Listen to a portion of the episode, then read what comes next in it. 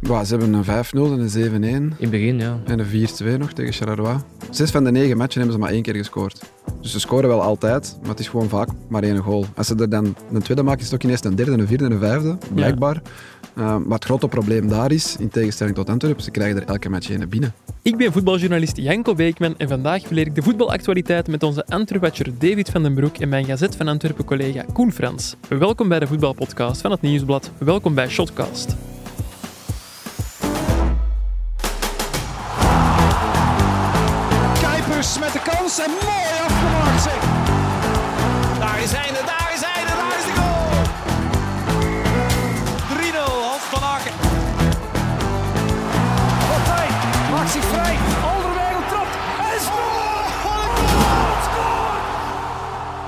Dag Koen, dag David. Goedemiddag. Ach, Janko. Een eh, historisch debuut. David is, is volgens mij de enige clubwatcher van het Nieuwsblad die nog niet in de podcast heeft gezeten. Eh, dat klopt, op een kleine cameo na misschien. eh, een Ja, misschien één keer kort wel. Ja, gepasseerd ja, ja. inderdaad. En ik moet er meteen bij zeggen, ja, dat ligt wel aan mij dat je hier nog niet hebt gezeten. Want ik dacht altijd, David is niet echt fan van podcasts, van, van Ik luister ze graag. te veel in de, in de aandacht komen. Maar je bent al langs geweest bij onze koerspodcast van het Nieuwsblad. En bij de collega's van Gazet van Antwerpen, bij Dave en Patcher. Dus ik dacht, ja, dan kunnen wij met Shotcast niet achterblijven. Klopt. Dat was twee weken geleden. Dacht ik al eens oefenen voor mocht Janko het uitgraven. Hoe was het bij Dave en ja, Patcher? dat viel goed mee. Dat was echt vlot gegaan eigenlijk. Ja. Maar Ik kan Pat- iedereen de aflevering ook wel aanraden, want er zitten heel veel fijne verhalen in. Voilà, we gaan gewoon hetzelfde vertellen nu. Nee, Nee, we nee, gaan wel de actualiteit eh, fileren. Ehm, ik heb aan al onze collega's die hier al gepasseerd zijn gevraagd van wat voor type voetballer waart jij? Bij u dus dezelfde vraag, David. Wat voor voetballer waart jij? Of zijt jij? Of was ik geweest, want ik, Ja. heb, ik heb nooit gevoetbald. Nooit, echt nooit Bij, eh, gevoetbald? Ik, heb, ik ben twee keer gaan meetrainen bij KSK Heist. En een keer als ik heel jong was, zo vijf jaar of zo, en toen vond ik de pannenkoeken niet lekker genoeg om te blijven voetballen. Dat zijn een- criterium is, ja. Ja, als jonge gast wel. En dan zo ja, tien jaar later of zo, op vraag van een makker eh, meekomen trainen. Maar die was me dan aan het uitleggen dat ik een, een bal niet had gecontroleerd. En ja, toen dacht ik van, fuck you. To- En zat je maar gaan volleyballen. Ja, ik was al aan het volleybal in die periode, dus eh, dat gewoon blijven doen eigenlijk. Mag ik nog iets vragen? Hoe kom je dan als voetbaljournalist? Of waarom word je dan voetbaljournalist als je zelf Ah, nooit hebt maar ja, gevoetbald? Volleybaljournalist, dat kunnen we niet veel... Oh, zeg dat die- niet die- tegen collega Mark Vermeijer. Pas op, pas op. nee, maar ja, goed, je bent wel voetballiefhebber, voetbalfan, dus ja, dan, het, is, het is zo dat je erin rolt uiteindelijk. hè. Je waart moet, wel echt al een voetballiefhebber, effectief. moet, je- ja. moet je kunnen gevoetbald hebben om eh, journalist te worden vinden? Of? Nee, dat denk ik lastige niet. vraag. Allee, Want ja, dan kan ik beter stoppen natuurlijk. er zijn toch dat heel weinig, gezegd hebben, nee. heel Nee. weinig voetbaljournalisten die op hoog niveau hebben gevoetbald. Ja, maar hoog zijn niveau niet, maar wel op een... Allee, bedoel, Een ik heb niveau. een zeer, Ja. zeer laag niveau gevoetbald, De meesten maar hebben wel gevoetbald. inderdaad, dat is waar. Maar ik vind dat we daarvoor ook wel analisten hebben, toch? Om zo Mhm. De mannen die de feeling met echt het allee, hoog niveau hebben, daar hebben wij Frankie van der Elst en René van der Rijken voor. hè? En zeker, tact, en zeker tactisch, nee, nee, absoluut niet. Ja, ja, dat zijn mensen uit het vak, of mensen met een trainersdiploma, die kunnen dingen over een voetbalwedstrijd zeggen die wij niet kunnen zeggen, omdat wij dat gewoon niet weten Niet of niet zien. Nee. Ja, voilà, we, we blijven vrij nederig gewoon. Hè. We schrijven wat we zien en we gaan ook niet tactisch overanalyseren of zo. Dus. Dave, je zei, David, sorry, ik moet... Ja, ik zeg soms Dave en soms David. Ik moet een beetje consequent zijn. Eh, je bent ook een koersliefhebber. Je bent medeoprichter van de Hirschies. Dat is een eh wielerclub in Heist op den Berg, uw woonplaats. Ja, En absoluut. een groot fan van Soudal Quickstep. Va- ja, van Quickstep inderdaad, Van al twintig ja. jaar lang. En eh, ja, je wilt natuurlijk naar de, ja, naar de fusie die de eventuele staat, fusie. Want ja, het is maandag. Het zou zomaar kunnen dat er na opname ineens naar buiten komt dat de fusie niet meer doorgaat. Ja, maar ja. zijt je een minnaar van de fusie? Nee, nee, niet echt. Nee, echt totaal zeggen. Want je, je gaat dan toch de grootste ploeg in het wielrennen worden?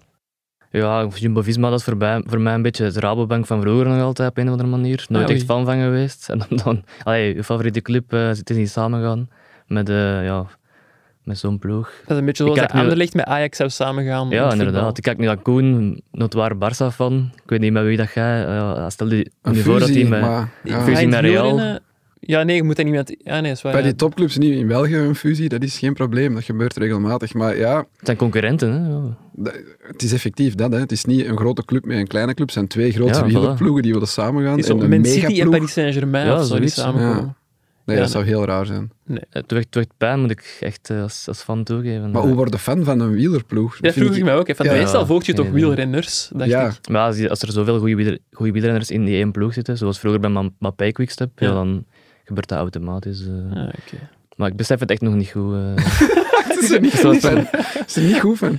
Heb jij dan ook echt zo shirts van Quickstep thuis hangen? Ja, ik heb er wel wat gekocht vroeger, maar dan echt voor te gaan fietsen. Hè. Ah ja, niet om thuis aan de muur te Ja, hangen. want tegenwoordig dragen we ons eigen shirt van de Hirschies natuurlijk. De Hirschies. Jij die naam, want je bent mede-oprichter, niet voorzitter, eh, moet ik erbij Ja, zeggen. ja.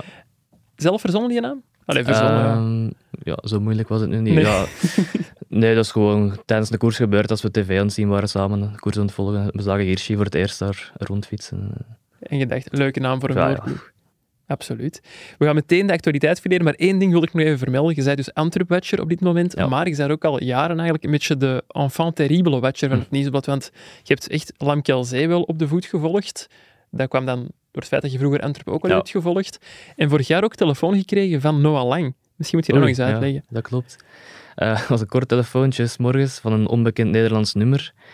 Eh, maar goed, ja, ik had de dag ervoor met de mama van Noah Lang gebeld, dus ik voelde al wel de Niet zomaar, hangen. ook voor het werk toch? Hè? Ja, voor het werk. Om te... ja, sorry, ja. Dan moet ik even kaderen. Ja. Voor het werk, omdat hij, had zijn transfer gemist door een blessure. Hij was toen Mhm. geblesseerd uitgevallen in de zomer. En ik wilde gewoon weten van hoe gaat hem daarmee om. Dus die mama had er heel vriendelijk op geantwoord. En hij, is allemaal, hij, hij kan allemaal plaatsen, dit en dat. Maar ja, Noah vond het blijkbaar niet zo leuk dat ik maar gebeld had. Ook al was het om professionele redenen. Dat kon hij niet plaatsen. Nee, hij kon dat niet. Wat zegt hij dan aan de telefoon? Nog wel lang, hè? Noah Lang. Geen 7K op je feestje. Nee. Nee, ja, dat, dat ik ermee moest ophouden. Hè, met zijn Maar was hem nog vriendelijk of was Ja, was hij Nou, was niet vriendelijk? gebeurd. Nee. Nee, niet echt. nee. En nu gaan we echt over naar de actualiteit, maar ook PlayStation gespeeld met Didier Lamkelzee. Ja, dat klopt, ja, inderdaad. Is dat verteld bij Dave en Patje? Dat is niet aan bod gekomen. Ah, nee. En daar was ik nog heel benieuwd naar hoe dat, dat juist is gegaan. Je bent ooit op het appartement van Ja. Didier beland. Voor een interview, maar goed, ja, we moesten ook foto's hebben. Dus ik, ik heb dan een beetje ja, ervoor gezorgd dat ik tegen hem een keer PlayStation kon spelen, want dat, daar pocht hij altijd mee dat hij dat goed kon op Instagram en zo. goed, ik ben ook verloren van hem eh, met Hoeveel is het 5-3. geworden? 5-3. 5-3. ja. Oké. Maar ik heb hem één goal wel expres laten maken, omdat ik hem zo graag wilde zien scoren met zichzelf. Hij, speelde, hij speelde dan met Antwerp. En met zichzelf als nummer 10. En ja, dat was schitterend om te zien. Je zag hem echt zo blinken dat hem, dat, dat, dat hem zichzelf zag juichen in dat spel. En hij had niet door dat je hem liet winnen op dat moment. Nee, ik heb hem, hij heeft wel echt oprecht gewonnen tegen mij, maar Ja. die goal had hem niet door. Dat ik hem En hoort je, vrije baan hem, hoort je hem nu nog soms? Nee, dat is even geleden. ja. Die moet je misschien ook nog eens een eh, berichtje sturen. Maar ik heeft een zal, interview gegeven hè, in eh, een Frans eh, Ja. magazine of krant of zo. hij zei dat, dat hij eigenlijk, eigenlijk niet zo'n moeilijke jongen is, maar Alleen dat het in een beetje België. aan de Belgische competitie ligt. Ja. Of aan de journalisten, Aan de natuurlijk, David. Dat kan ook Het is nog onze wel. schuld. Maar ik stel voor dat we zo meteen de actualiteit gaan fileren. Antwerp speelde zaterdagavond 0-0 gelijk tegen KV Mechelen. Goed voor zijn vierde opeenvolgende clean sheet in de competitie, maar ook voor de vierde opeenvolgende wedstrijd waarin het zelf niet tot scoren kwam. Een leuke 0-0. Bestaat dat, Koen? Dat bestaat zeker. Als er eh, heel veel kansen zijn en de doelmannen veel werk hebben. Mhm. Maar ik had niet het gevoel dat dat in die match per se was. Hoewel, het, het was geen enerverende 0-0. Dat ook niet.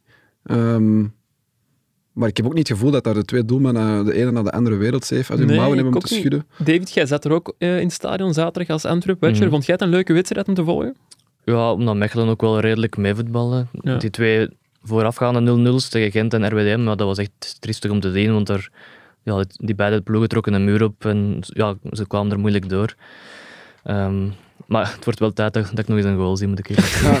Ja, dat was ook wel straf, want ik dacht, na dat gezien te hebben van RWDM en Gent, ja, Mhm. Mechelen gaat dat ook gewoon doen. Ja. Maar die hebben dat absoluut niet gedaan. Dus complimenten aan, aan Mechelen en aan Steven de Voer. Steven de Voer, ja. En zo kun je Antwerp ook op 0-0 houden. Dus, en zelfs, ze hadden zelfs kunnen, kunnen winnen. Hè. Ik denk dat ze nog een paar kansen wel, Lauberbach. Ehm, ja, Ja, dat klopt. Ja. ze hebben meer gecreëerd, vind ik, dan, dan RWDM en Gent. Ja, het viel me wel op hoe vaak dat KV Mechelen ook van achteruit probeerde te voetballen. Echt op zijn, ja, op zijn compagnie Anderlecht vroeger. En de fans van KV Mechelen waren daar niet echt gerust in. Hè. Er was echt wel... Ik ook niet, echt. Ja, als je naar Manchester City kijkt, Ja, dat gaat allemaal zo vlot, dus je denkt dat komt wel goed, maar ik had hier altijd het gevoel van, ik ga iets mislopen. ja dat is niet, Van dat is niet Leeuwenberg gebeurd, maar... en Kobout zijn inderdaad niet Ruben Diaz. En, en Nee, dat passen Ake. ze altijd net iets te kort Ja. of zo. En dan Ja, het heeft me zo'n beetje denken aan zo leren rijden met een auto en een bocht pakken in derde. Zo Ja. niet allemaal de controle over de bal hebben. Die eerste Over bocht. je Maar vaak loopt dat wel goed, hè? Een bocht in derde.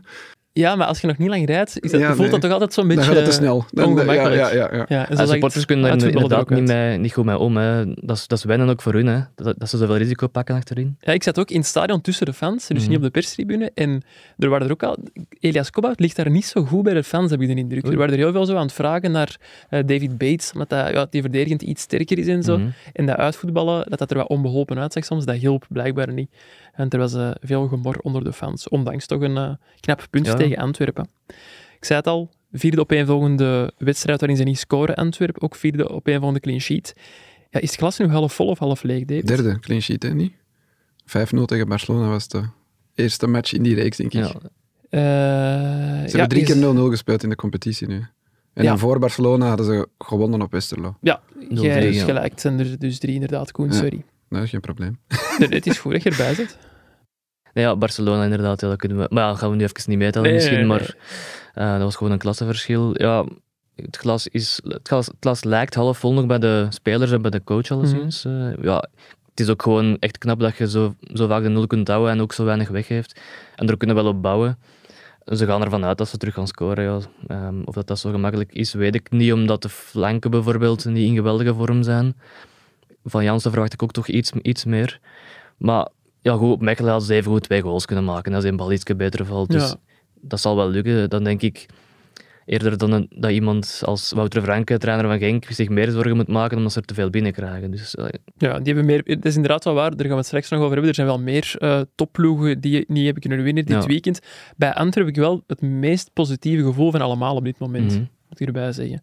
Ik vroeg me alleen nog af van, ja, zijn er, want er wordt wel vaak gezegd van gebrek aan crea- creativiteit op die flanken. Zijn daar geen oplossingen? Ik heb bijvoorbeeld gezien Ejuke, Mhm. jij kent die misschien beter dan wij. Is daar iemand die een oplossing zou kunnen bieden? ja, ik denk als je gaat teruggrijpen naar beelden van vroeger bij Heerenveen of in, in, Mhm. eh, in Rusland was, nee, of in eh, Oekraïne. Nu, Rusland heeft hij volgens mij ook gespeeld, Ja, ja. het meteen opzoeken. Daar, eh, ja, dat is echt een goede dribbelaar gewoon. Iemand met een, een heel vlotte actie, maar ja, hij is er fysiek nog niet klaar voor volgens mij. Eh, hij heeft een moeilijke voorbereiding gehad, dus eh, tja, dat zal de reden zijn, denk ik. Ja. eh. Misschien is het wel eens tijd om een paar spelers toch te wisselen. Ja, gewoon te proberen misschien. Ja. Ja. Maar hij heeft dat gedaan nu met, met Valencia. Dus hij, hij probeert wel nieuwe jongens te brengen. Alleen er komt nog niet zo, zoveel Ja, uit. dat was tegen RWDM. Nee, tegen Gent. Dat die, Ja, hij is nu ook opnieuw ingevallen. Ja. Ejuke inderdaad in Moskou gespeeld, bij Moskou, CSKA ja. Moskou. ja, die heeft wel een actie, hè. maar misschien kan die effectief geen 90 minuten. Nee. Voilà, want die mannen moeten ook wel echt mee verdedigen. Allee, Ja. Van Bommel verwacht er wel veel. Voor eh, de positie van Jansen, die dus ja, niet in zijn allerbeste vorm zit, zijn er ook alternatieven. Ze hebben Georges Ilinikina.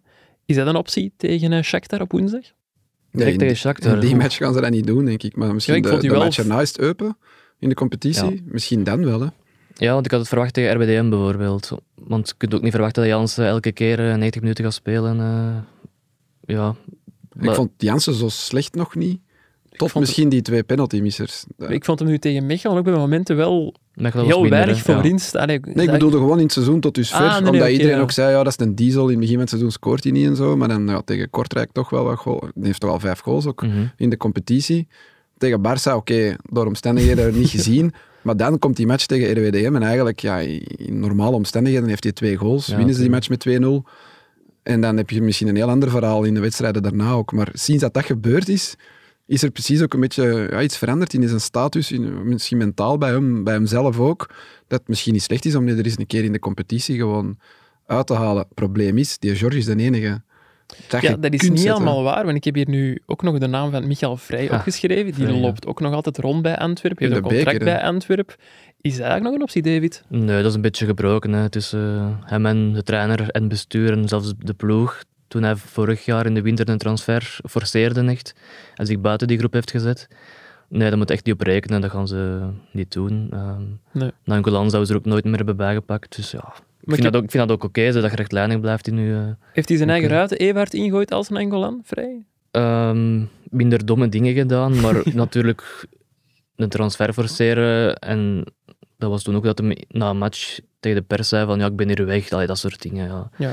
Sven Jacques was er vrij open over bij de collega's van Miet Miet trouwens. Hè, over Maar die eh, de traint blijkbaar wel. Die, zei wel, die traint Traint super, ja, ja. voorbeeldig. Die Ja. is heel fit. ehm, Ja, ik snap ergens ook wel dat Sven Jacques dat soort dingen zegt als je die nog wilt. nog wilt verkopen natuurlijk. Je gaat Nee, dat- maar ja, ik, ik heb, ik sta af en toe wel eens aan de bosuilen waar je dan de, be- de belofte van voor ziet trainen en, en super gedreven en vrij. eh. Ja?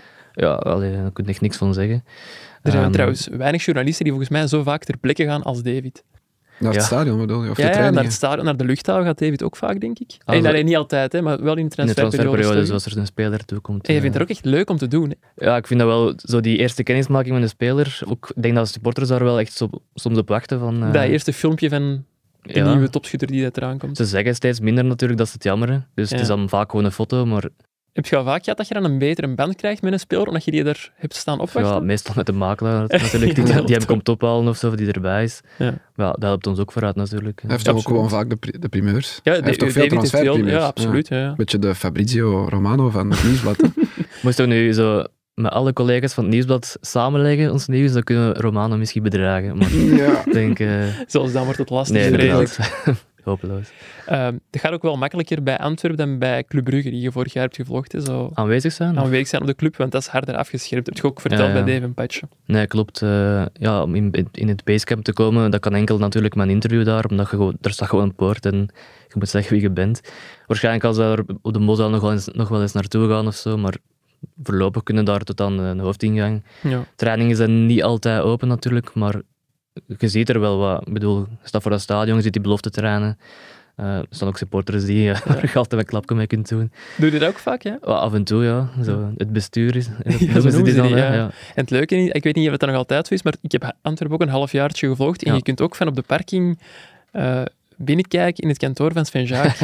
Inderdaad. dat heb ik ook wel gedaan tijdens van een mercato, om te zien dat er een bepaalde makelaar of een speler of zo zat. Maar ik denk niet dat al die gesprekken daar worden gevoerd. En hij heeft ook een, een rol eigenlijk. Ja, maar in het begin was het toch heel vaak, hè, als Luciano, da- Luciano Donofrio daar nog zo de, de plak zwaaide, dat, dat, die da- dat je dan gewoon ja, de besprekingen zag voeren met Sven Jaak en dan de speler en de makelaar. En dan zetten wij de fotograaf daar met de telelens op natuurlijk. eh. Wat een job hebben wij toch. Fantastisch. Over transfers gesproken, een naam die ook vaak valt als het over een gebrek aan creativiteit gaat, is die van Calvin Stengs. Mhm. Ja, Calvin Stengs is zelf een optie geweest, eh, dat weten we, maar die is uiteindelijk naar Feyenoord gegaan. Zijn er eigenlijk nog andere opties geweest voor die positie deze zomer? Ja, ik denk dat de naam een keer in de podcast van jullie gevallen is. Ehm, Berghuis? Steven Berghuis. Van Ajax. En dat was toen zo, ja, gaan we dan nu schrijven of niet? Omdat toen dat we het met zekerheid wisten, was het zo al van, ja, het gaat moeilijk worden. Allee, het gaat moeilijk worden om hem te overtuigen om die stap te zetten. Hij wilde dat wel doen, eh, Berghuis, voor, voor Van Bommel en voor Overmars, want dat, was, dat zijn mannen die hem in het verleden al probeerden te overtuigen om naar hun clubs te komen. Ja. Ehm, maar uiteindelijk, hij was pas het jaar of daarvoor, denk ik, eh, van Feyenoord naar Ajax gegaan met heel veel gedoe. Ja. En hij had geen zin om zo dan laat een transfer nog te gaan forceren, ook niet. En op zich, ja, je verdient goed bij Ajax, gespeeld aan de top, in principe. Dat is nu niet het Ja, geval. hij even zal misschien wel al spijt hebben van die keuze. Misschien. ehm, dus hij heeft, nou, hij heeft ervan afgezien en Ajax wilde hem ook graag houden, dus op zich. Ja. Was een moeilijk dossier. Over eh, Van Bommel zelf, dan heb je ook gezien zaterdag na de wedstrijd op de persconferentie. Maakt hij zich nu zorgen over die situatie? Of is hij er wel gerust in van, ja, die ketchupfles zal ooit wel eh, openvallen en leeg Naar ons, toe maakte, ja, naar ons toe maakt hij zich geen zorgen. Ik weet natuurlijk niet hoe hij zich diep van binnen voelt. ja. Ik weet niet hoe je hem al kent natuurlijk, maar... Nee, goed, ja, ik moet het hem eens of de record vragen misschien, maar ehm, nee, hij ziet wel aanknopingspunten genoeg om, nog zoals het gewoon dat die organisatie goed staat, daar komt nog op zich al heel ver mee, want we moeten eerlijk zijn, vorig seizoen zijn ze kampioen geworden, toen waren de flankaanvallers ook niet geweldig of zo. Hè. Het zijn dezelfde, hè? Het zijn dezelfde, inderdaad. Ehm je hebt Dejuke erbij, maar Balikwisha, Kerk, Moeja, toen waren er toen ook al. En dat waren ook niet eh, de mannen die het verschil maakten, dat was meer de centrale as met Alderweireld, Vermeer, Jansen. Mhm. En eh, ik denk dat hij er gewoon op rekent dat hij wel dat die vorm wel gaat terugkomen. Het is wel wat hij zei ook tegenover Franke bijvoorbeeld en Genk. Ja, het fundament staat er, de basis is er. Ze hebben ook nog maar één keer verloren. Zouden zes keer op negen matchen de nul. Ja. Winter maar echt eens wel tegen. ja, winter Ja, maar eens ja. tegen. Zes keer op negen matchen is echt veel. Eh, ik heb dat eens vergeleken in, eh, in de Europese competities. Jean Butet heeft de meeste clean sheets van alle keepers in de top 10 competities, zes. Maar er zijn wel ploegen met minder tegengoals, maar die hebben ook nog minder matchen gespeeld. Ah, ja. PSV heeft er nog maar twee. Een paar ploegen met drie tegengoals, maar ja, vier tegengoals in, in negen matchen. En effectief, ja, nogmaals, tegen RWDM, twee penalties. Elke match komen er wel kanskus die erin kunnen gaan. Op een gegeven moment gaan die erin gaan. En dan zijn ze blij dat je altijd de nul kunt houden, of, of vaak de nul kunt houden. Want als je dan scoort, dan, dan win je. Zo, zo simpel is het. En ik denk dat Van Bommel ook nog wel zo redeneert. Hoewel ja, drie keer 0-0 op reis natuurlijk wel opvallend. En, en logisch dat er dan vragen over komen. Maar ik vind dat hij die altijd wel correct pareert. Mhm. Ja. De enige bij wie dat ik nu zo wat... Dat was Toby Alderweireld, maar jij hebt mij ook eh, Ja, gestuurd in of de- gezegd. Die, Het interview na de wedstrijd bij, Ja. Play, eh, bij Sports Late Night zal het geweest ja, het was ook op 11 in de live, denk ik, dat hem echt zegt... Ja, we staan goed, we Ja. geven niks weg. Maar dan zo gaf hem toch precies wat... Ja, niet kritiek, maar hij zei Nee, wel... hij benoemde wel het verschil tussen aanval en verdediging. Ja, de verdediging staat goed, voorin kan het beter. Maar ja, dat is ook gewoon een open deur intrappen natuurlijk. Iedereen ziet dat, iedereen weet dat. Maar ja, hij zegt het wel gewoon. Ik denk ook niet dat die spitsen of die aanvallende spelers hem dat kwalijk gaan nemen als hij dat zegt. dat het is ze- gewoon ook Ja. waar wat Van iemand als Alderweireld dat wel zullen kunnen verdragen, inderdaad. Ik denk dat dat iets anders is als een jonge gast van 20 dat gaat zeggen of Alderweireld. Je kunt niet verwachten dat hij elke, elke keer een bal in de kruising stemt. Hè. Alderweireld zelf. Net is niet gelukt, hij is er wel dichtstbij gekomen met zijn kopbal Ja, de tegen kopbal was wel eh, heel dichtbij. Oh, Maar zeg maar. Ja, David. omdat je vroeg van maakt Van Bommel zich zorgen, op zich niet, denk ik. Maar hij zal het waarschijnlijk ook wel, en is logisch, jammer vinden dat hij geen Scovolsen heeft of geen Nee. eh, de Paintsel of een El Canoes. Ja, op die posities is dat wel heel handig als je zo zo'n toptalenten hebt natuurlijk. Ja. eh. Iemand die de match kan openbreken. Was Voilà. Volse voor Club Brugge echt dat wel een paar keer heeft gedaan. Ja. Dat heeft Antwerpen niet. Op de persconferenties nog veel vragen terug van Bommel. Dat hebben wij ooit al benoemd in de podcast. Hè, dat hij heel vaak, als je een lastige of een vraag stelt, dan gewoon terugvraagt van, wat denk jij? Ik heb dat gezien eh, na de match tegen RWDM. Dan denk ik dat hij terug, een, een, een vraag terugkaatste naar u. En dan, ja? Ja? dat is toch vervelend. Ja, ik vind het altijd Ik- vervelend. Ja, Ja. dan zit je daar als journalist, maar ik heb mijn vraag al gesteld, antwoord gewoon. En dan kaatst hij een bal terug. En Ja, hij ja. weet volgens mij ook dat hem de journalist daar in een lastig parket mee brengt. ja, hij werkt ons van de wijze. Ja, dat, Is, dat is zijn bedoeling, denk ik. En, en dan vraagt hij, wat, wat vinden jullie ervan? En dan moet ik even nadenken wat, wat ik ervan vind. snap je? Want je, hebt, ja, je wilt gewoon weten wat heeft hij te zeggen. Ja, je hebt er niet altijd over na. We hebben ook niet op dat niveau gevoetbald natuurlijk. Voilà, ja. En Eigenlijk doet hem alsof dat onze mening ertoe doet. Terwijl wij veel in beter wezen- weten dan dat. In wezen doet dat er helemaal niet toe. Dus Maar soms is het leuk, hè, want het brengt iets teweeg op zo'n persconferentie. Dynamiek, Het heeft wel Ja. een dynamiek, dat is Ja. inderdaad wel leuk. Ehm, ja, het is de hoop voor Antwerpen dat die goals er snel komen, want woensdag wacht Shakhtar al in de Champions League.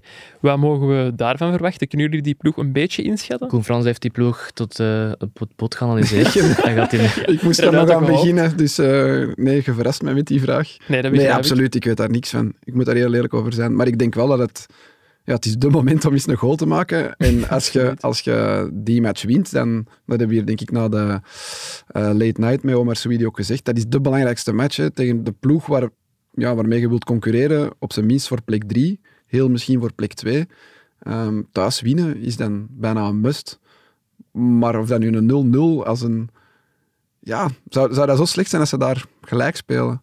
Wow, deze is toch de wedstrijd die je moet winnen als je... Maar er komen nog vier matchen, hè? Je Ja, maar moet, moeten winnen is, is al vrij. papier de meest haalbare kaart. Ja, en je speelt thuis.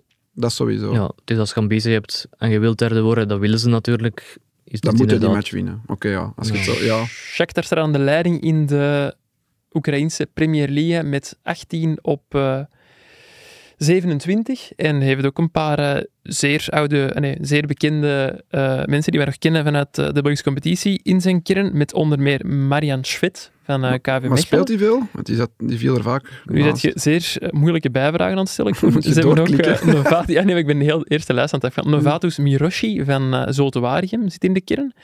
En David, jij hebt ook nog iemand op het spoor die nog bij Antwerpen heeft gespeeld, toch?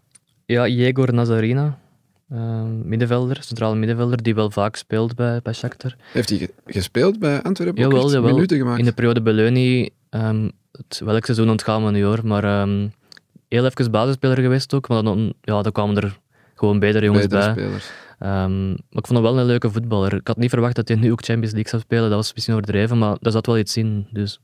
En op uw vraag te antwoorden, Koen, ook Marian Schwit speelt weinig tot niet bij Shakhtar. Kijk, dat, dat Bij deze. ik Daar hebben we Google Man voor. Ja. En misschien nog leuk om te melden, Diederik Gijpen, onze collega, heeft een interview met Nazarina. Oh, dat is Als wel, alles eh, goed gaat, Ja, want dat met is die, altijd gevaarlijk om dat al aan te kondigen in de podcast. maar we gaan het toch doen.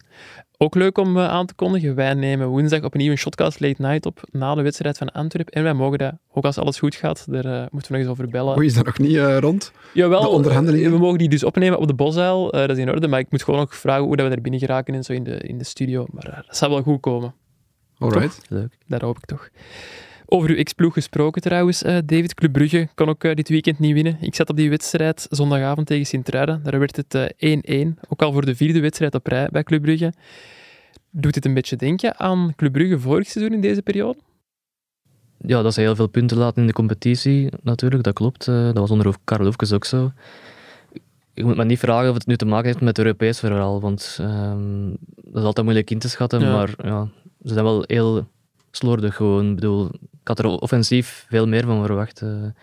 in, in, in die Europese match daar, die laatste Besiktas. Besiktas, Ja. krijgen ze kans na kans, maar dat in de competitie toch niks, niks bijzonder voorlopig. eh. Bah, ze hebben een 5-0 en een 7-1 In het begin, ja. en een 4-2 nog tegen Charleroi. Mhm. Maar nu Maar tegen die dan- topploegen zo. Dan hebben ze te vaak, ze- zes, in, zes van de negen matchen hebben ze maar één keer gescoord. Dus ze scoren wel altijd, maar het is gewoon vaak maar één goal. Als ze er dan een tweede maken, is het ook ineens een derde, een vierde en een vijfde, blijkbaar. Uh, maar het grote probleem daar is, in tegenstelling tot Antwerpen, ze krijgen er elke match één binnen. Ja, Want- al tien wedstrijden op een rij. Alleen eh, KV Kortrijk doet slechter met twaalf wedstrijden op een rij. Ik heb drie clean sheets op 16 matchen. Alle Dat is competities. voor een topclub ontzettend weinig. Ja, dat is veel te weinig. Maar één goal tegen krijgen op Club Brugge zijn in een match. Ja, je Ja. verwacht toch dat ze gewoon er nog twee Voilà. extra maken. Tegen die IJslanders hebben ze ook zowel uit als thuis een tegengoal geslikt, maar scoorden ze wel twee keer vijf keer. Dat, Ja. dat maakt dat niet uit. Maar dat je natuurlijk ja, offensief een beetje minder in vorm bent en de kansen vliegen er niet zo gemakkelijk in, ja, dan is één een tegengoal. Dat is Ja, nu, feit. Het, vier keer 1-1 nu, hè? Vier keer Ja, op rij vier keer op een 1-1. rij. Ja. En je merkt wel dat er zo wat gemord wordt. Maar Bij de fans was er echt veel gefluit. En ik dacht op een gegeven moment bij de wissel dat Jutgla naar de kant werd gehaald en Thiago erin kwam, dat er toen nog gefloten werd voor, dat de ref iets verkeerd had gedaan of zo. Maar dat was blijkbaar echt voor die wissel gewoon. Dat vind ik al wel heel streng richting Thiago en richting Dela Ja, op dat moment. Ja, omdat je verwacht, hij brengt een extra spits. Ja, En ze spelen met twee spitsen. En Mhm. hij had een spits voor een spits. Ik denk inderdaad dat het Ja. eerder naar Dela was gericht Op het moment dat hij ineens staat tegen Sint-Truiden thuis, ja, dan verwacht dat publiek gewoon, en wij gaan er nu vol voor. En wij gaan nog voor die tweede goal. Dat was, echt ja, superveel grote kansen zijn er, zijn er niet meer, niet Dat- meer geweest. dat was vorig seizoen ook wel zo dat de- het publiek verwachtte heel vaak van zet er een extra spits op als het moeilijk loopt. Ja, Remchuk was dat toen, Hmm. of Jutla. Maar Karlovkes wisselde ook heel vaak spits voor spits, spits voor spits. En dan, ja, de fans verwachten gewoon op dat moment storm en drang en met, met meer, meer aanvallend geweld. maar ik vind ook niet dat die rampzalig slecht spelen om die nu Nee, te nee, gaan nee. uitfluiten. Maar zo te weinig constant ook gewoon. Ja, Ze op- hebben tegen ja. Sint-Truiden echt een paar goede periodes gehad, maar dat gewoon niet kunnen doortrekken. Ook. Goh, ja, die goal van Sint-Truiden valt ook compleet uit het niks. Hè. En ik denk als die niet afwijkt, gaat hij niet binnen. Ehm alleen, niet dat Sint-Truiden slecht spelen. Hè. Alle credits naar Sint-Truiden. Die spelen zelfs heel goed. Voor rust waren die echt wel ja, goed. aan de bal super rustig, niet, niet eh, onder de indruk van, van de omstandigheden. Nee, nee, alle lof voor Sint-Truiden, maar ja, ik denk echt, Club Brugge zijnde speelt die match tien keer en je wint die waarschijnlijk zeven of acht keer. Nu zitten die in zo'n periode dat die match ook op 1-1 eindigt. Ja. Beetje zoals bij Antwerpen ook, die kunnen dan niet scoren. Club Brugge weet, ja, krijgen er elke, elke match een binnen. Die zitten gewoon in die, ja, dat is een soort negatieve spiraal of een negatieve flow, maar ik heb wel het idee dat zowel Antwerpen als Club Brugge daar, daaruit gaan geraken. Ja. Je merkt wel bij momenten dat de kwaliteit daar, daar wel is. Die goal ook dat ze maken, dat is gewoon ja, klasse. Doorsteekpaas, voorzet, volley. Zalig afgewerkt ook Ja, van schitterend afgewerkt. Ze hebben wel spelers die het verschil kunnen maken. En zoals David zegt, dat moeten meer dan één keer kunnen scoren, ook tegen een ploeg als Sint-Truiden. Ja, en over die eerste helft waarin de Sint-Truiden echt wel ja, goed meededen en ook kansen versierden, stak Dijl ook wel de hand in eigen boezem. Hij zei ook wel van, ja, het is eigenlijk mijn fout dat we Sint-Truiden hebben laten Ja, meespelen. met omdat, ik, systeem ook. omdat ik van systeem was veranderd, dus we speelden in een 3-5-2. Maar ik merkte dat niet altijd. Ah, vanuit de tribune was echt wel goed Ja? te zien dat Zinkernagel echt heel centraal speelde en dat de linkerflank eigenlijk werd vrijgelaten voor de Kuiper. Maar wie was dan de derde mee van achter? Uh, Odoi werd dan meestal iets Ah, naar binnen geschoven. meer ja. naar binnen geschoven, maar Want bij momenten leek- stonden ze zelfs met twee centraal van achter. Ja, wel ja. Dus, en ik heb die match op tv gezien en dat leek gewoon een viermans. Het was vrij Ja. asymmetrisch, moet ik wel In de zeggen. samenvatting op tv, en dan als ze de opstelling tonen, hadden ze ook gewoon met vier man. Dus Hij is ook na een half uur al gewisseld hè, van het systeem terug. Ja, Na een half uur wel, Zinkernagel naar links wel straf dat je denkt dat je je moet aanpassen tegen Sint-Truiden thuis. Club Brugge zijnde. Dat is misschien ook al wel Ja, dat is opmerkelijk. misschien een beetje gewoon overthinking thinking ook wel, denk ik dan. Ja, dat zou wel kunnen, ja. En hij zei ook van, ja, ik had dat niet moeten doen. En het meest opvallende vond ik dan- dan ook dat hij daarna zei van, ja, we spelen zoveel wedstrijden, we hebben eigenlijk amper tijd om dingen aan te passen. Ja, dan zou ik, dat al vooral, zou Ja. ik dat vooral nog niet proberen en gewoon op uw ene systeem blijven werken. Zou Hij, ik hij zegt zelf, we hebben te weinig tijd om het in te trainen, omdat Ja. we ja, midweekmatches spelen. Nu was het competitie, de week voordien was het eh, Europees, nu komende week terug Europees. Ja, als je zelf al doorhebt dat je te weinig tijd hebt om een nieuw systeem of een nieuwe formatie in te trainen of te oefenen, doe dat dan Ja, niet. dat zou ik inderdaad Ga gewoon uit van, zeker in de Belgische competitie, en nu ook in, eigenlijk in die, in die eh, Conference League groep, ga gewoon uit van eigen kracht. Dat willen volgens mij de supporters van Club Brugge Mm. ook zien. Tegenstander bij de keel grijpen en gewoon gaan. Maar zit in een moeilijk dilemma, omdat hij heeft al een keer gezegd dat hij de spelers heeft voor een 3-5-2. Ja, hij wil dat eigenlijk niet, maar hij voelt dat, die, dat dat voor die spelers beter is. Eh, hij, worstelt daarmee, denk ik gewoon. Maar wat, wat moet ik Is dat niet vooral omdat de? Kuiper dan veel hoger kan spelen links? Ja, bijvoorbeeld. Ja. En daarvoor ook Buchanan op de andere kant. Want dat zijn niet echte rechts- en linksbacks in een viermens. Want ze hebben eigenlijk geen, hebben ze drie volwaardige centrale verdedigers, als je Odoi erbij rekent. Want anders moet je aan die Ordóñez gaan grijpen. Boyata, Boyata, Boyata, ja. Spileers, vergeet. Nee, sorry, ik vergeet Boyata. Effectief, die stond, Ja. er, die stond er gisteren ook bij. Jij hebt Club Brugge vorig jaar uiteraard gevolgd, David. Waart jij ook zo verbaasd deze zomer dat er geen nieuwe centrale verdediger is gekomen? Want dat is wat dat mij bij Antwerpen verbaasd, bij Stings, heeft mij dan weer verbaasd bij Club Brugge in die centrale verdediging. Ja, ik vond Abakar Silla eigenlijk de meest talentvolle. Ja. Ja, dat is ook logisch, want dat is voor 20 miljoen verkocht. Dus dat toont dat ook aan.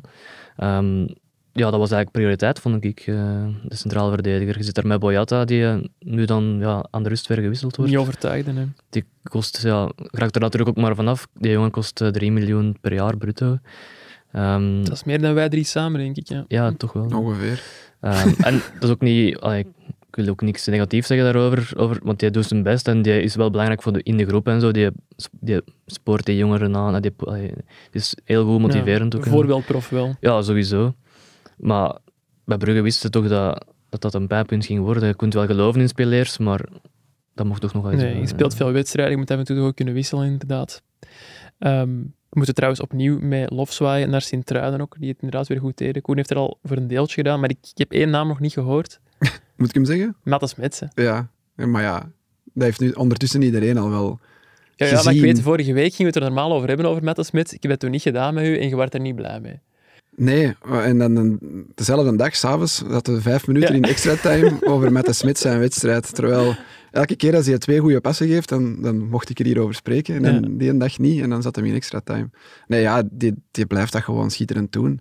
Ik heb nog een paar straffe statistieken, van zowel met de Smits als de... Fatikaya, de spits, speelde zijn 25e match voor Sint-Truiden en heeft één goal in Ja. een beker tegen Meu. Of Meux, ik weet zelfs niet of ik het moet uitspreken. miste tegen je club ook weer een paar kansen. hè. Ja, die werkt wel hard, maar Mhm. ja. En met de Smit speelde ook zijn 25e wedstrijd. En nu moet je raden hoeveel gele kaarten die heeft. Geen. Ja, nul. En ik heb dan eens gecheckt hoeveel fouten die heeft gemaakt. Van vorig seizoen heb ik het niet opgezocht, maar dit seizoen vier. Van een centrale verdediger bij een ploeg als SCVV. mee. Dat is een beetje alder, alderwereldgewijs. Eén eh. om de twee matchen. Die, die, die voetbalt daar precies van in zijn zetel. En die heeft toen niks verkeerd. En heeft nu toch al tegen de beste spitsen van de competitie gespeeld. Hij heeft, hè, ze, ze hebben gespeeld op Club Brugge, op Gent, eh, op Genk. Ja. En die jongen blijft gewoon overeind. Maar veel, veel van die, allee, veel van die Ja. spelers. Hè. Ik, vind zo'n uh, De Lorge, die voetbalt daar ook gewoon. Ik vond dingen ook. Die, eh, het is geen Belg nu, maar die ja. Ito vond Ja. ik echt eh, heel sterk. Die allemaal zo rustig aan de bal en, en zo vol vertrouwen.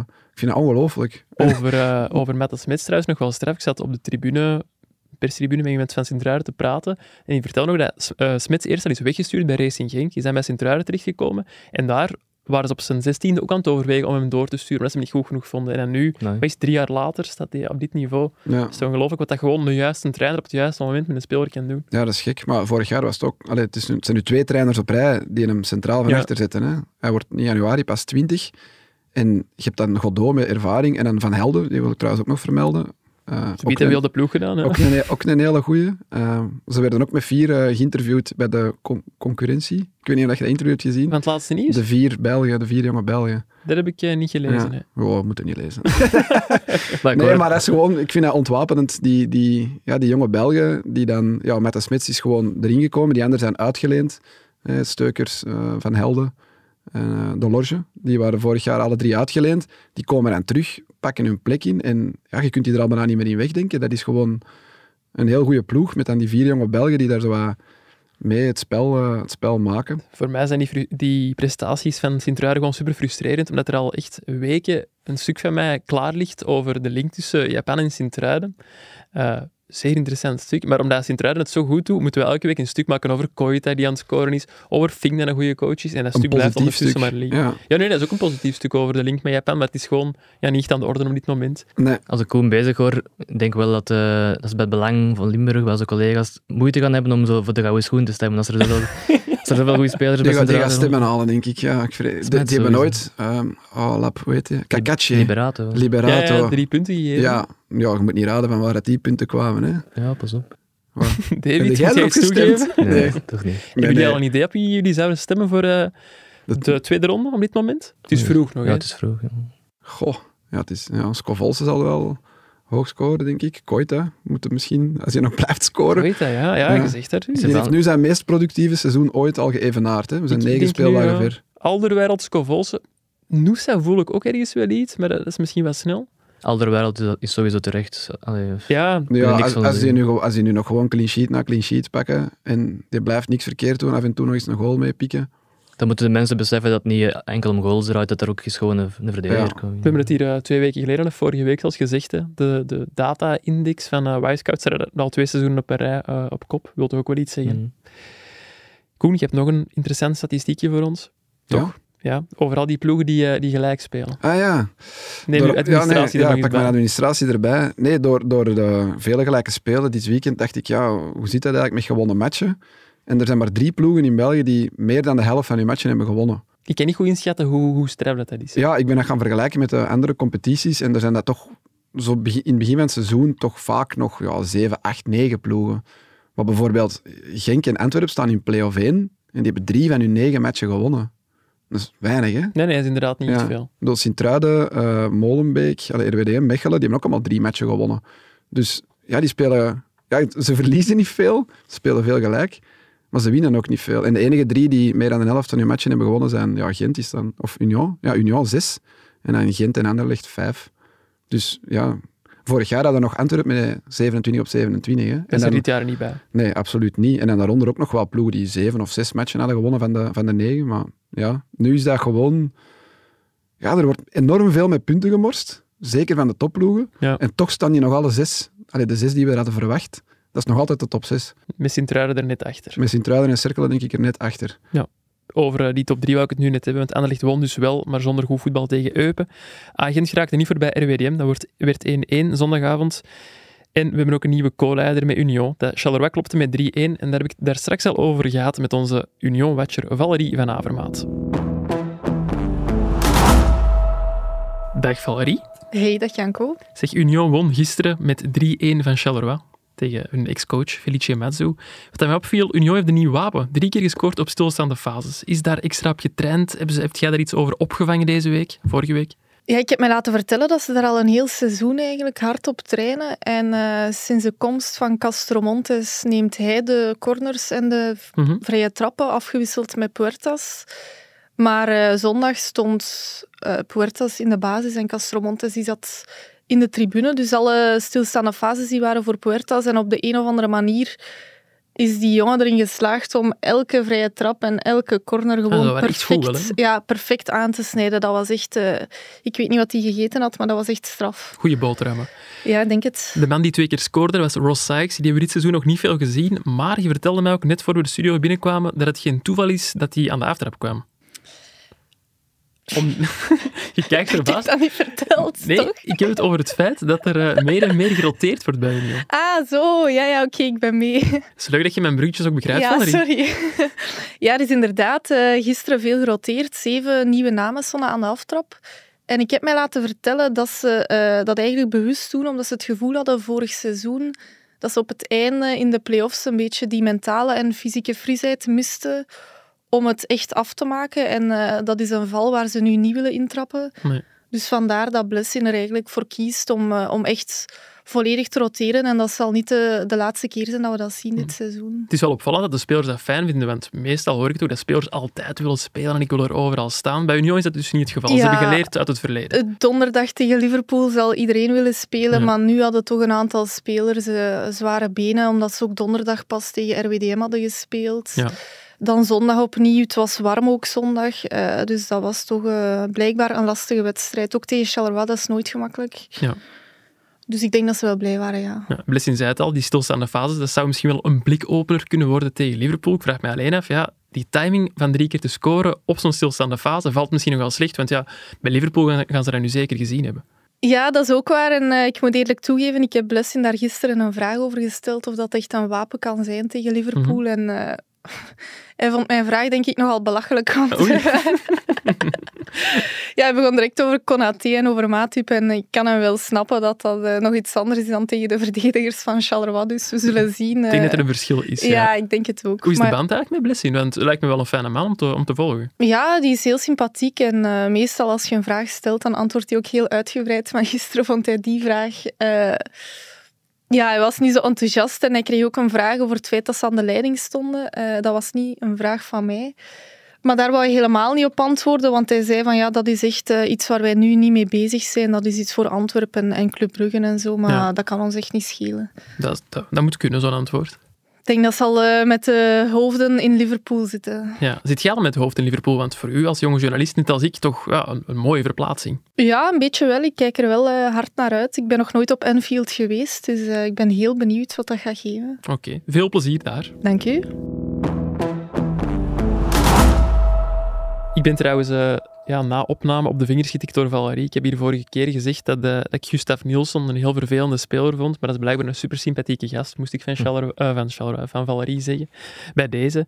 En jij ook iets kwijt over, ehm, ja, over wie? Over de Algerijnse spits van Union. Ja, Amaura, Amoura. Daar, daar zat ik al een hele week, dus ik wou weten nog dat je het moet uitspreken. Het is blijkbaar Amoura. Zo, zo zeggen ze het ook op Union. Al noemen ze hem in de kleedkamer allemaal Momo. Momo. Mohamed We mogen we ook Amoura. Momo zeggen vanaf nu? Ja, Momo Amoura. Klinkt Ja, wel goed. klinkt Scoort daar weer een goede goal. Jammer genoeg eh, afgekeurd. Ja, helaas. Inderdaad. Een zalige voetballer wel. Ja, ja, ja. Dat is echt, ehm, ja, dat is echt een van de rapste spelers dat ik ooit heb gezien in de Belgische competitie. En heeft nog goede voeten ook. Absoluut. Het is ook uitkijken naar donderdag, naar eh, die wedstrijd op Liverpool. De broers McAllister tegen elkaar. Eh, jij hebt die van Union gesproken, hè, David?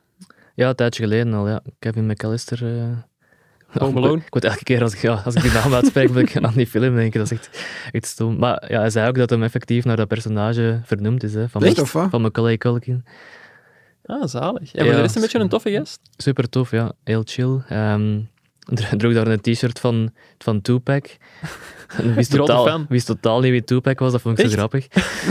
tot, tot de meeste kennen geen enkel nummer. Heb Is jij dat dan Spaans, uitgelegd eh, aan hem? In Spaans? Of, eh? Eh, hij praatte wel... allee, zijn Engels was oké. Ah, oké. Dus je hebt het interview in het Engels gedaan. Ja, ja, ja. Want jij kunt ook Spaans, hè? Ja, ja, ik heb sta- ik heb Spaans gestudeerd eh, in Tower. ehm, maar dat, dat zit ver weg. Hè. Ja, maar het zou nog wel lukken voor een interview. Ja, ik moet nu die, va- die vader van McAllister nog een paar vragen stellen. En Ah, ja. ook al heeft die Ierse roots, hè, want dat is Carlos McAllister, ja, ik hoor het direct, die, die praat wel enkel Spaans, die praat geen Engels. Dus, Nou, dus eh, dan kun je het nog eens bovenaan ja, in Spaans. Oké, inderdaad. als we kunnen helpen, Koen. Nee, totaal Nee, niet. niet aan. Gewoon Totaal niet. fan van het Spaans voetbal. Ja, zonder Spaans te kunnen. Ja. Maar ja, kunnen. jij kunt eh Niet heel, wel een heel drukke week. Ja, Hij wil u gewoon niet helpen. over blijkbaar. later meer. Doe het zelf. Racing Genk kreeg na het eh, gelijkspel tegen Sint-Truiden vorige week een eh, koekje van eigen deeg. Het gaf een eh, 3-1 voorsprong uit handen en speelde zo 3-3 gelijk tegen Westerlo. Ja, de fase van de match was toch de rode kaart voor eh Bonsouba. De tweede helft van het seizoen voor, eh, voor hem. Terecht rood volgens jullie? Goh, Dat is een moeilijke vraag, hè, want streng. En gezien zijn vorige rode kaart ook al streng was, is het echt wel heel streng. hij had hij totaal twee één keer- rode kaart verdiend eigenlijk. Goh, zelfs daar, ik weet het niet. Ja. In dit geval, ik snap dat de VAR niet, niet, niet, niet tussen beiden komt, want het is zeker geen clear and obvious eh, error van de scheidsrechter om daar rood te trekken. Ja. Die ene tweede slag was echt wel recht in het gezicht van, ehm, van de keibus. Maar die, Die- ging ook wel theatraal neer, dus Hij is twee keer genekt door een beetje Matenaaier ook. Maar ja, en Ver- Vertongen was het zeker Ja, maar ja, die- tegen Anderlecht en nu, nu dit. En je zag ook aan zijn reactie dat hij absoluut, ja, want ik, ik, ik las dan opgespannen, had zo Ja, gezegd zijn vuist of zijn arm De opgespannen. Kramer zei, de scheidsrechter zei dat zijn arm had opgespannen. Ja, En hij zou ook hebben gezegd tegen Franke, zei Franke moeten we er dan bij die zeggen, net al eens rood gehad. Die heeft toch al eens rood gekregen. Ja. Hè? Ja, als je dat meeneemt in je beoordeling, dan ben je toch niet goed bezig. En zeker dat je dan weet hoe die eerste rode kaart tot stand is gekomen, dat je die twee gele kaarten nog eens naast elkaar legt, ja, dat is geen vuile speler. Ik was er weer van aan het genieten in de, in de, dat, half, dat half uur dat hem erop stond. Dat is echt een hele mooie voetballer. En ja, nog een jonge gast, wat onbezonnen. En in dat duel ja, wordt dan zijn truiken getrokken door Van de Keibus. Hij, hij wrikt zich los, zo interpreteer ik- ik dat. En met een van die bewegingen, ja, dat is geen slaande beweging, maar meer een losrukkende beweging. Ja. Zo zou hij van Azenbroek dat waarschijnlijk ook omschrijven. Dat is met Orban. pleiten, denk ik. Ja, dus ik, ja, ik hoop dat die jongen er nu ook niet nog eens, ik weet niet hoe lang voor geschorst wordt. Het is al erg genoeg dat hij, dat hij er weer af moest. Ja, ik, zeg het. Ik denk niet dat... Straks komt dat filmpje online waarschijnlijk van het eh, referee department. Ik, Ik denk niet dat die gaan zeggen dat de scheidsrechter in deze een, een foute beslissing heeft genomen. Maar ik vind het wel super streng. Ik bedoel, doet, ja, het is niet nodig. Nee, maar anderzijds, was het geel voor jullie dan? Ah, wel, ik, vond, ik, vond, ik vond het inderdaad geel. En dan kunnen zeggen, jongen, allee, doe even rustig. eh, Zeg ja. kalm. En eigenlijk was het ook vrij een trap voor, voor Genk. Hè? Dus het was een fout op hem. Hij wrikt zich los. Hij krijgt rood. En dan was, was het een vrije trap voor Westerlo. En dat vond ik helemaal vreemd. De eerste fout is van Van de Keibus, dat trekken. Ik bedoel, hij was er langs. Ja, ja. En hij houdt hem vast, houdt hem tegen. Hij wrikt zich los, krijgt rood en het is een fout voor Westerlo. Maar ja, als hij zijn ik- tweede geel zou hebben gekregen, zou hij dus ook rood hebben gekregen. Dus weet het, aan het ja. einde van de rit zal het ongeveer hij al hetzelfde geel, zijn. Hij had ja. er een geel. En misschien is die rode kaart rechtstreeks nog wel voordeliger als, als ze straks beslis- beslis- beslissen van ja, we Ja, gaan er niks, eh, over geen die schorsing aan geven. Ja, want bij twee gele kaarten zet je wel automatisch, Automatisch, een week ja. geschorst. Ik vind Het is sowieso wel dom als je al geel hebt natuurlijk. Maar ik zeg het nog, nog een keer, volgens mij doet hij dat niet bewust. Dat is in een eh, onbewuste ja, actie om, om, om los te geraken van zijn man die hem vast heeft. Ik vind het ook super lullig, want ik had hem in de voetbalgids als mijn revelatie gezet, eh Ponsouba. Wat ook... eh, Ja, maar ik Ja. vind dat dat nog altijd wel correct is. Hij Ja, ik vind een dat. goede indruk. Als hem zoveel rode kaarten heeft, hij moet wel kunnen spelen. Ja, hij moet wel kunnen spelen, ja. Als hem altijd geschorst gaat zijn. Ja, dat is extra jammer dat hem nu echt goed in die match had. Eh, leuk wedstrijdbegin van Genk, van hem. En dan die rode kaart. Maar hij heeft is zo'n gretig bazeken. Hè. Dus zo, hij- Ik vind hem echt leuk om naar te kijken. Ook super doelgericht ook. Echt Maar met doel bedoelde jij onbezonnen ook. ja, ja, ook zon. En dat, hè, daardoor... Dat moet eruit, denk ik. Ja. Ja. Ik was trouwens aan het kijken naar die kaartenrangschikking. Ja, daar staat hij bij de rode kaarten uiteraard eerst. Bij de gele kaarten, Hamza Mendil van OHL, blijkbaar al zes keer geel gekregen. Op negen wedstrijden. Ja, stevig. Dat is Dan Ook al één, match gemist dan. Ja, dat, dat moet hij. Hè. Bij vijf zet je... Ofwel heb ik mij totaal vergist, maar ik denk dat dat klopte. Mhm. Zes gele kaarten. Ik zal Dan is hij nog heel checken. geschorst geweest. Ja. Het was trouwens een, eh, een vreemd moment ook nog met de VAR in de eerste helft van eh, Racing Genk Westerlo. Dus ja, misschien Koen, kunt jij de, de fase omschrijven? Ja, er wordt een vrije trap gefloten. Fout van, dat wil ik even kwijt zijn, een verdediger van Westerlo op eh El Canoes. Ehm, die valt in de 16, Mhm. maar ze hebben eigenlijk elkaar een beetje vast. Dan komt de VAR ertussen om te zien of het al dan niet in de, in de 16 was. Want ik heb dat achteraf nog eens opgezocht. Als je iemand vast hebt buiten de 16, maar je hebt hem ook nog vast in de 16, dan is het penalty. Dus het is niet waar de fout begint, maar het is waar, waar je hem eindigt als het met vasthouden of trekken is. En daar is dan, eh, help me even wie de scheidsrechter was, die is dan naar gaan kijken. Wesley de Kremer. Wesley de Kremer. Maar dan is hij erop teruggekomen, omdat hij het fout vond van, van El en niet van die verdediger van Westerlo. Ah, ja, Ja. ja. Dus, maar op een bepaald moment liep ook die, De die vierde vierde reep liep schei- op het ja, veld. omdat de communicatie, dat leek zo, de communicatie met de oortjes niet werkte, maar die de Kremer die was aan het praten met iemand, dus dat werkte volgens mij wel. Ja, die, Dus dat dat is helemaal heel niet. Ik heb, ik heb het ook gevraagd bij mensen van het referee department en die zeiden mij inderdaad dat er een probleem was met het communicatiesysteem. Dan toch. Ja, een hij is gaan kijken zijn. en hij is dan teruggekomen op zijn beslissing. Dus de, de VAR roept hem van ja, het is misschien penalty. En hij gaat dan kijken en zegt, ah ja nee, het was de ander die de fout had gemaakt, niet een D. En ook daar, ja, de clear and obvious error vanuit het Mhm. VAR-department dan, allee, vanuit de VAR gezien dan, was penalty of niet penalty. Eh, maar de Kremer ja, is daar eigenlijk niet op ingegaan, maar gewoon Nee. wie maakt eigenlijk de fout. Ja. En dat is ook wel, ja, ik snap nu wel langs Genk zijnde. En hij gaf scheidsrechterbal daarna, Mhm. omdat hij een foute, foute vrijschop had gefloten. In Engeland was het wel nog erger met de VAR. Ja, dat was Wat er heel gebeurde in extreem. Liverpool-Tottenham. Dat was echt miscommunicatie. Dus er wordt een goal eh, afgekeurd van eh, Diaz bij 0-0. Mhm. Ehm, de VAR was daarvoor al tussengekomen voor een rode kaart, de rode kaart van eh, Curtis Jones. Diaz scoort, in de herhaling blijkt dat hij ja, een halve meter, misschien zelfs een meter onside staat. Wat de, de VAR ook aangeeft Mhm. van, je hebt een foute beslissing genomen eh, aan de scheidsrechter op het veld, maar dan is daar iets misgegaan. En hebben ze ook achteraf toegegeven vanuit het Engelse referee department van ja, die goal had, af, eh, had eh, goedgekeurd moeten worden, maar het, het bericht vanuit de VAR naar de scheidsrechter werd verkeerd geïnterpreteerd. Iets van de goal should have stood, of de goal, ik weet het niet. Ja. Dat, dat, dat moet je eens eh, de juiste... eh, ja, ik weet niet wat ze juist hebben gezegd daar, maar daar is iets verkeerd gelopen. Ja, en uiteindelijk verliest Liverpool in de laatste minuut met 2-1. Ze krijgen nog een rode kaart in de tweede helft. En eh, ja, ze hebben een clubstatement eh, op hun website gepost. ja, Dat maar ja, België ja. wel eens gedaan. maar wat moeten doen? ehm, ja, je wordt echt wel geflikt daar. Hè. Je weet niet, winde die match? Geen idee. Maar ja, je komt daar wel 0-1 voor dan. Je staat daar wel met 10 tegen 11. Maar, en dat was wel terecht. Was het in dat clubstatement of was het Klopp zelf?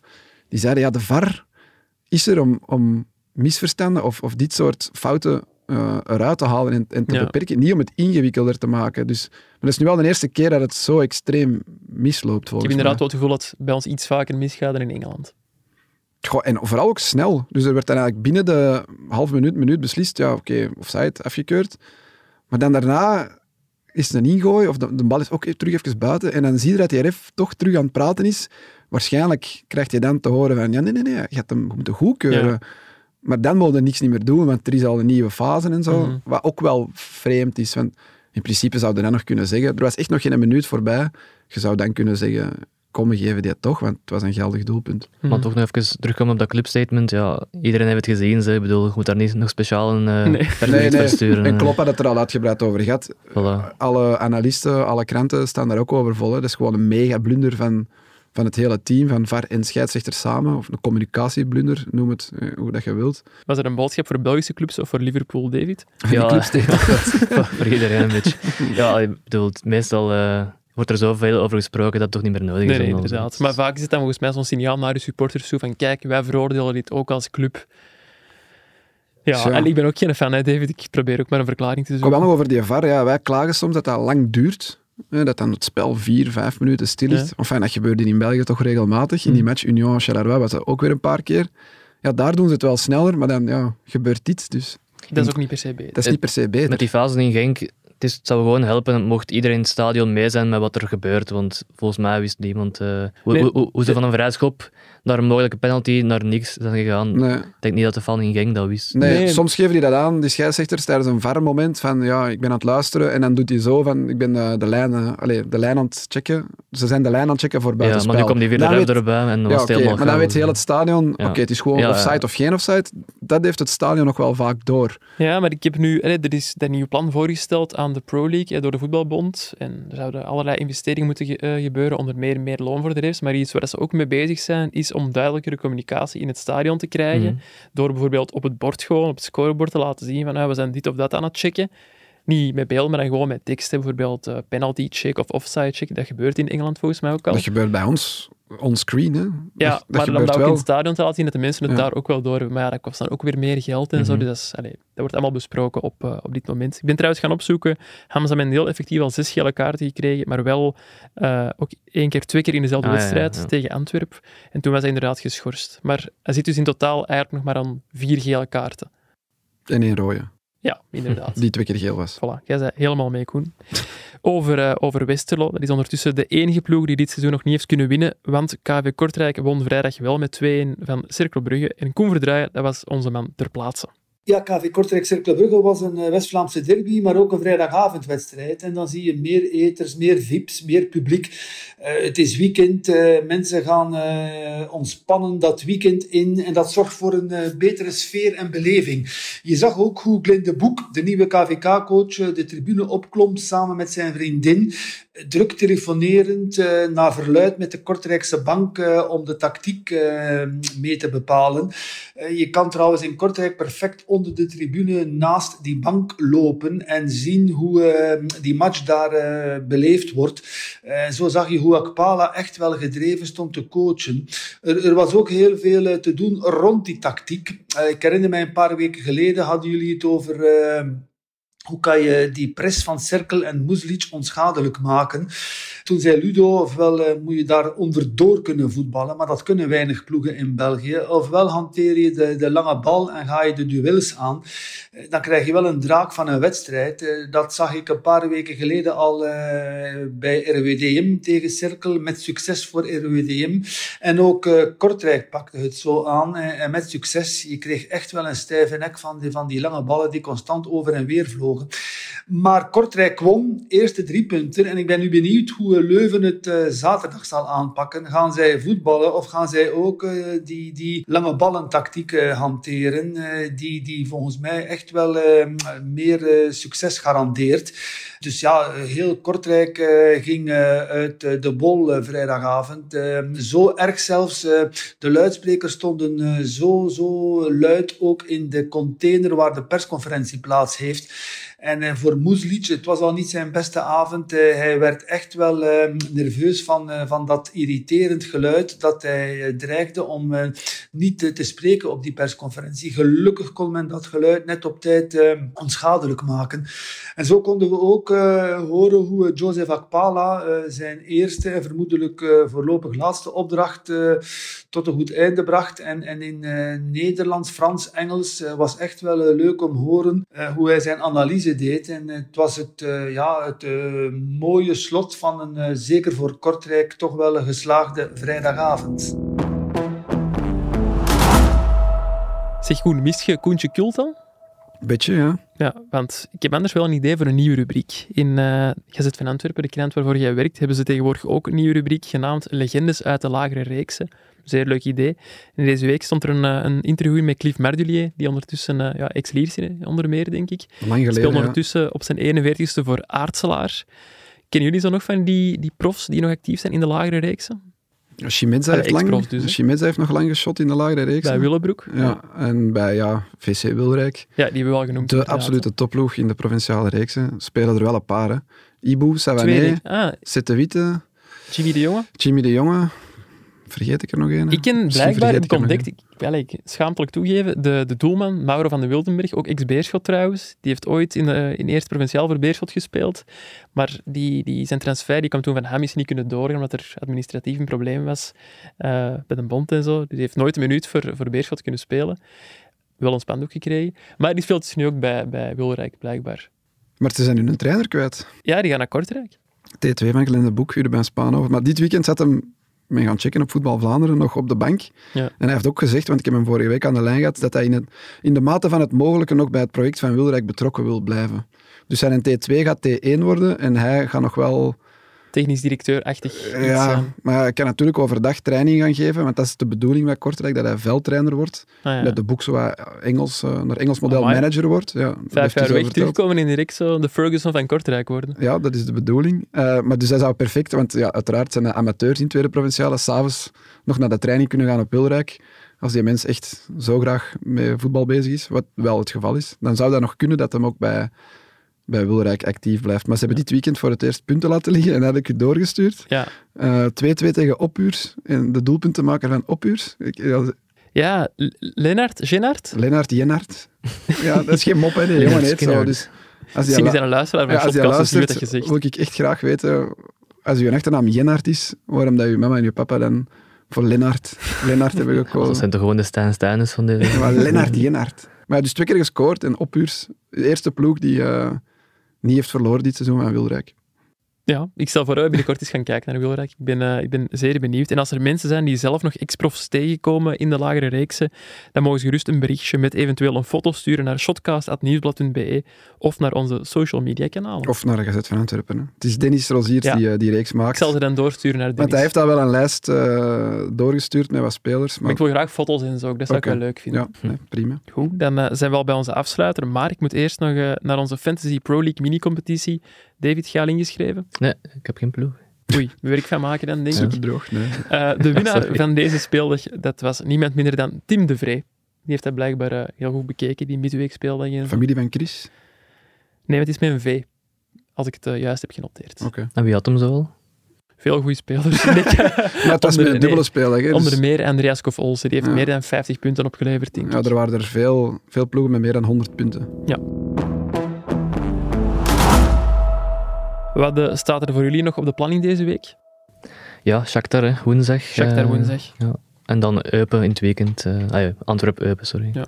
Voor ons ook uh, Shakhtar ja. woensdag. Hè. Ja, en in het weekend hopelijk Westerlo. Ja, dat staat hier ook op mijn lijstje. Wij, wij zouden gaan eten bij, bij Westerlo zaterdagavond. Ja, waarom zouden? Ja, ik weet niet. Misschien aangezien de mindere prestatie, dat er ook minder budget is voor, voor etentjes en zo. Dat weet ik nu. En wat, een kebab of zo dan? Of? Dat weet ik. Koen, heb jij het ja, nu al Nu gaan we niet meer mogen gaan. hè. Hier dat mopje. Nee, ja, ik, ik weet het niet. Ik ga, ik ga deze week contact opnemen met Westerlo. Maar ze hadden mij beloofd. Want ik heb vorige week, was ik er nog, heb ik Kevin van den Berg uh, gesproken. Die is oh. daar jeugdtrainer. Ah, ja, uh, dat is waar. En het was Genk Westerlo en zijn zoon speelt bij Genk. En Van den Berg heeft ook bij allebei gespeeld. Enfin, uh, was heel tof. En uh, ja, ze zijn daar eigenlijk heel relaxed en rustig. Ik heb niet het gevoel dat dat een club in paniek of in crisis is. En het gaat ook wel in stijgende lijn. Ja, ik vond ze dit weekend nu ook niet slecht spelen. Ehm, ook wel misschien geholpen door de omstandigheden, die rode kaart die we hebben besproken. Maar ja, ze hebben wel, ze hebben wel gewoon echt goede voetballers. Ja. Twee goede verdedigers, toevallig twee, twee Turken, maar dat zijn echt goede verdedigers. Toevallig is dat niet Koen. Ja, nee, toevallig is dat niet, maar het zijn echt twee, denk 19 of 20-jarige Ja, Ta- eh, Tagir. en Bayram. Ja, het zijn echt twee goeie. Dan Jesse Dortjuk erbij, Stassin voorin. Eh, ja, nee, ik denk ook. Is nog goed altijd... we mogen gaan, denk Ja, ik. ja, ik kan nog wat verder slijmen, zodat we zeker mogen gaan. Maar nee, ik, ik, eh, ik kijk er eigenlijk al, al lang naar uit, dus eh, ik hoop dat het doorgaat. Het is trouwens tegen KW Kortrijk. Het is echt wel een is, mega eh, belangrijke Om het met een match. cliché te zeggen, een zespunten wedstrijd. Ja, zeven misschien zelfs. Zeven Ja. misschien zelfs. Gaat je mee, David? Ja, als dat kan, maar wanneer is het? Zaterdagavond. Zaterdagavond, denk ik, eh, kwart voor zeven. Kan En als ze niet binnen kunnen op Westerlo, er is ook een diner bij VC Wil dat ik heb gezien. Echt waar. Dit weekend? Ja. Ja, dat is dan een goede backup plan, denk ik. Maar ik ben wel benieuwd naar het eten. Laat gewoon weten volgende week hoe dat was. En, eh, Ça va. We zullen ons Kritische blik van Koen Frans. Ik ben niet zo'n fanproever, maar Janko kan dat misschien wel. Ik ben gisteren toevallig voor het eerst in mijn leven naar een sterrenrestaurant Echt? geweest. Het welke? Eh, Hof ter Hulst in Hulshout. En? Goed? Ja, super. Ja, Ja, je moet dat nu wel zeggen als die mensen luisteren. ja dat, is, dat is familie van mij. dus. Ah. Nee, dat is niet waar. Dat is niet waar. Ik, had, ik had ook kunnen zeggen dat het niet goed was. Dus, eh. dat is heel goed.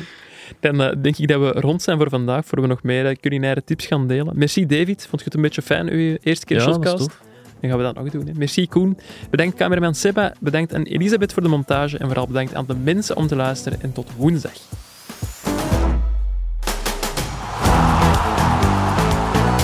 met de kans en